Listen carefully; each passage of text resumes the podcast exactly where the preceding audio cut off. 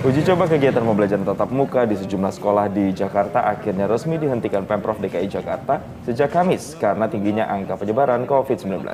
Wakil Gubernur DKI Jakarta Ahmad Riza Patria mengatakan jajarannya akan melakukan evaluasi kembali kebijakan pembelajaran tatap muka tersebut.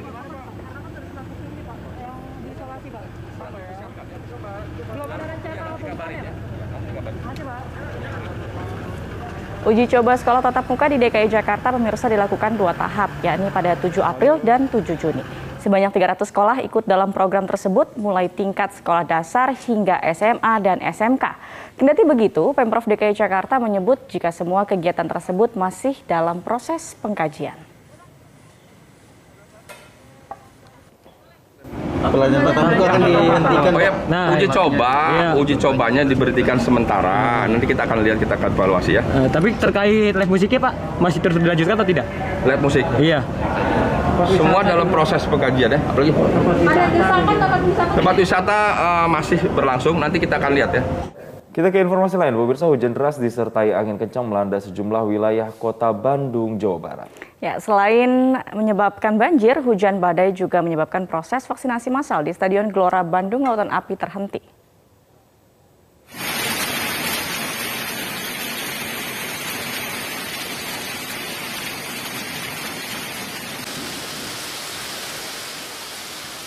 Seperti inilah hujan badai pemirsa disertai angin kencang yang melanda kota Bandung, Jawa Barat pada Kamis siang. Hujan deras disertai angin kencang ini terus mengguyur bahkan membawa butiran es yang berjatuhan di rumah dan pekarangan warga. Menurut warga, sebelum terjadi hujan badai, kondisi cuaca cukup panas dan tiba-tiba hujan langsung turun yang disertai dengan butiran es. Hujan badai disertai butiran es ini pemirsa terjadi lebih dari 10 menit. Akibat hujan deras disertai angin kencang, vaksinasi massal yang sedang berlangsung di Stadion GBLA pun terhenti dan terlihat dari video amatir sejumlah tenda yang dijadikan tempat vaksinasi roboh. Pemirsa layanan tatap muka di Kelurahan Mangga 2 Selatan ditutup sementara. Penutupan ini diakibatkan Lurah Mangga 2 Selatan positif COVID-19. Informasi selengkapnya akan disampaikan Puja Lestari dari Mangga 2 Selatan, Jakarta Pusat. Selamat pagi, Puja. Bagaimana situasi terkini di Kelurahan Mangga 2 Selatan? Ya, Jason dan pemirsa, kantor Kelurahan Mangga 2 Selatan ditutup sejak Kamis 17 Juni 2021. Penutupan kantor Kelurahan Mangga 2 Selatan sementara ini diakibatkan oleh Lurah Mangga 2 Selatan. Andreasa Bayu Putra dikonfirmasi positif COVID-19.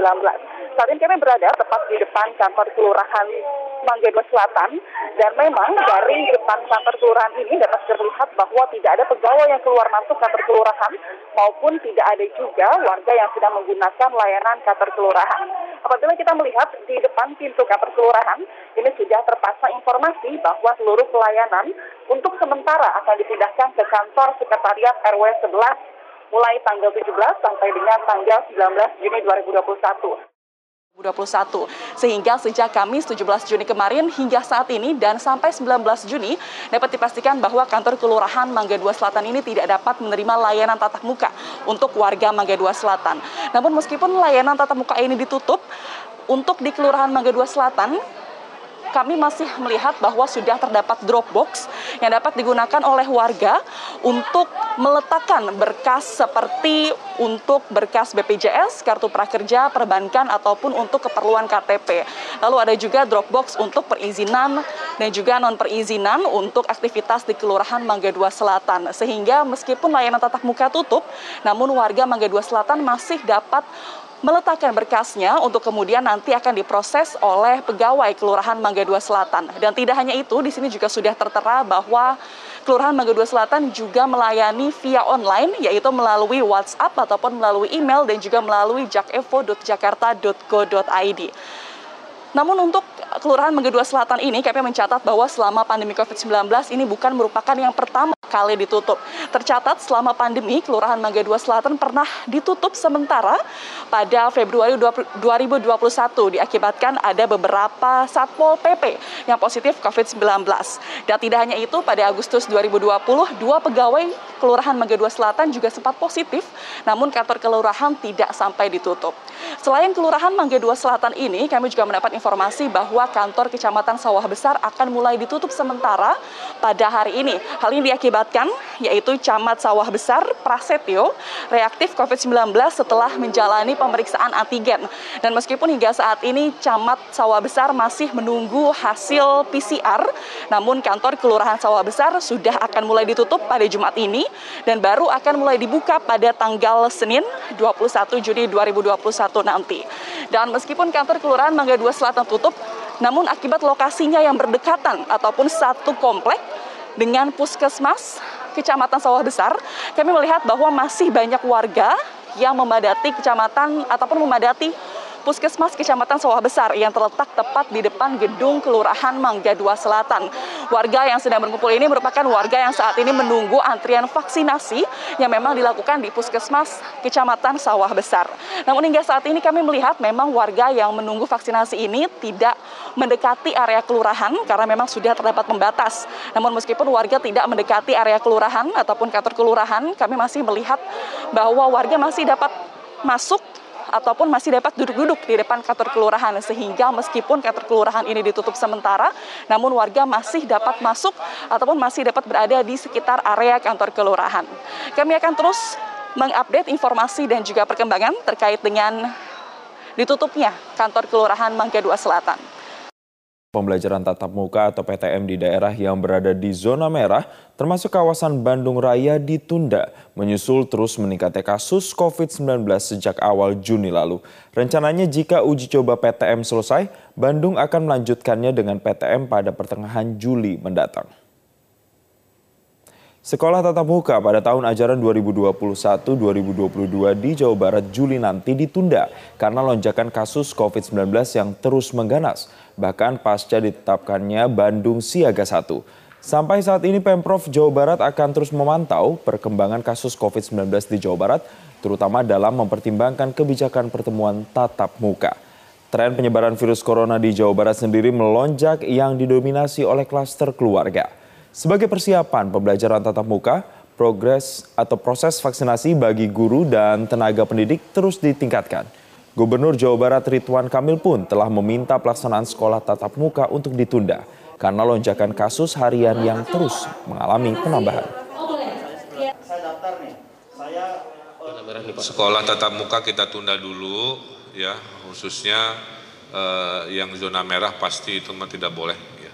Dan tadi kedisiplinan kita ada di 75 persen, kalau tidak salah Presiden menginstruksikan ke angka 90, maka kami terus akan menggiatkan tadi instruksi ke TNI Polri untuk melakukan uh, turun lagi ke lapangan, mengingatkan uh, shock terapi juga.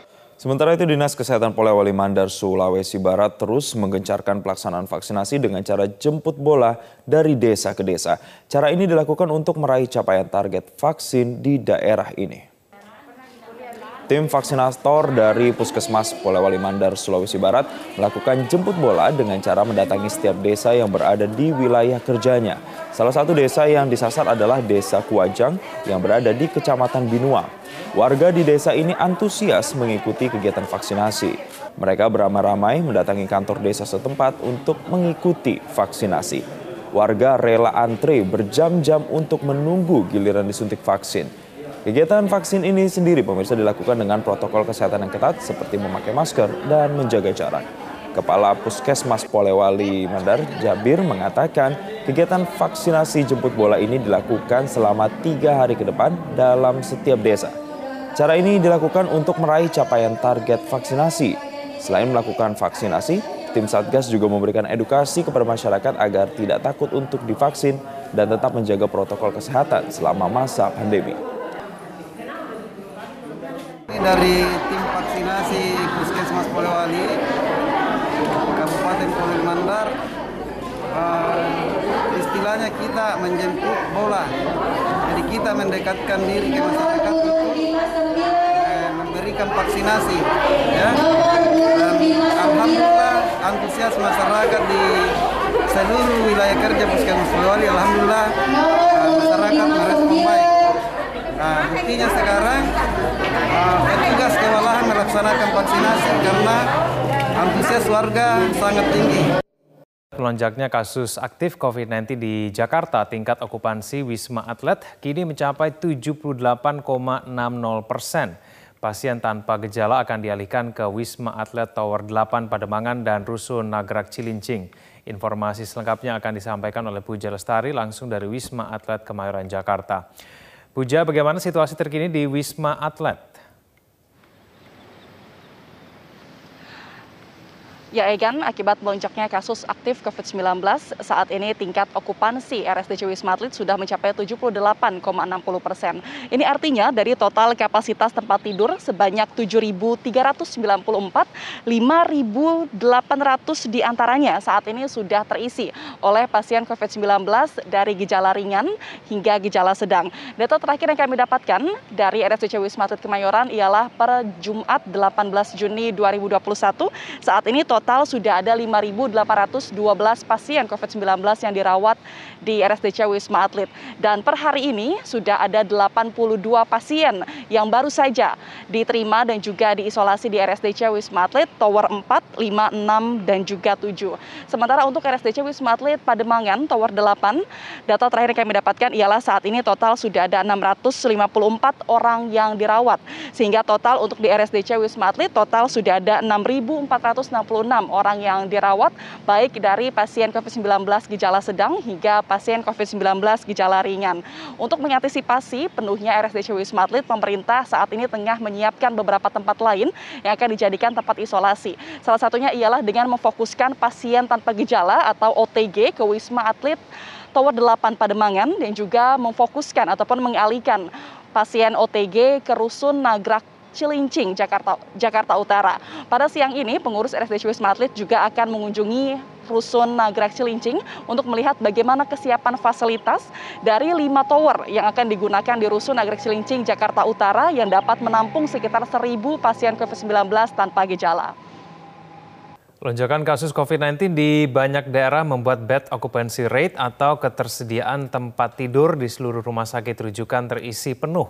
Keterbatasan tempat di rumah sakit membuat kota-kota yang menjadi zona merah COVID-19 kembali menyiapkan berbagai tempat untuk perawatan pasien COVID-19.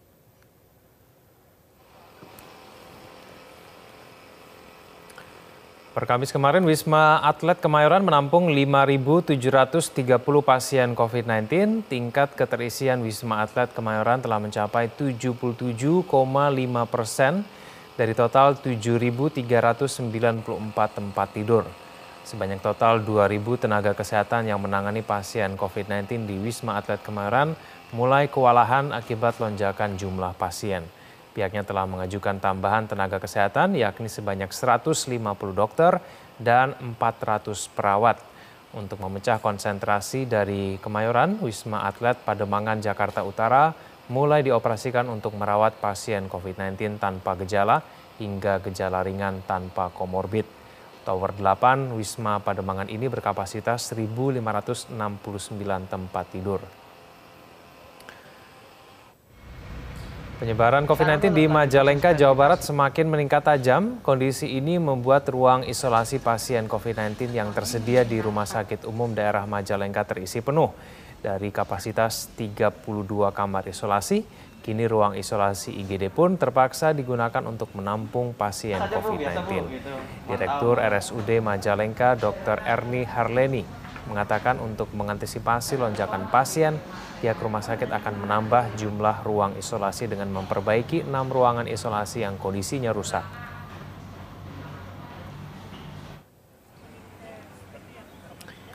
Lonjakan kasus COVID-19 di kota Cimahi, Jawa Barat juga terus mengalami peningkatan. Akibatnya saat ini RSUD Cibabat kewalahan karena ketersediaan ruang untuk pasien COVID-19 sudah penuh 100 persen.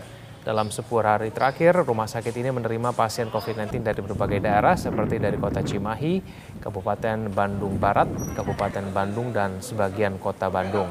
Untuk mengatasinya, RSUD Cibabat akan menyediakan tempat tidur tambahan bagi pasien COVID-19. Lonjakan kasus COVID-19 di kota Cimahi cukup mengkhawatirkan, yaitu sebesar 30 hingga 40 kasus dalam sehari dalam sepekan terakhir.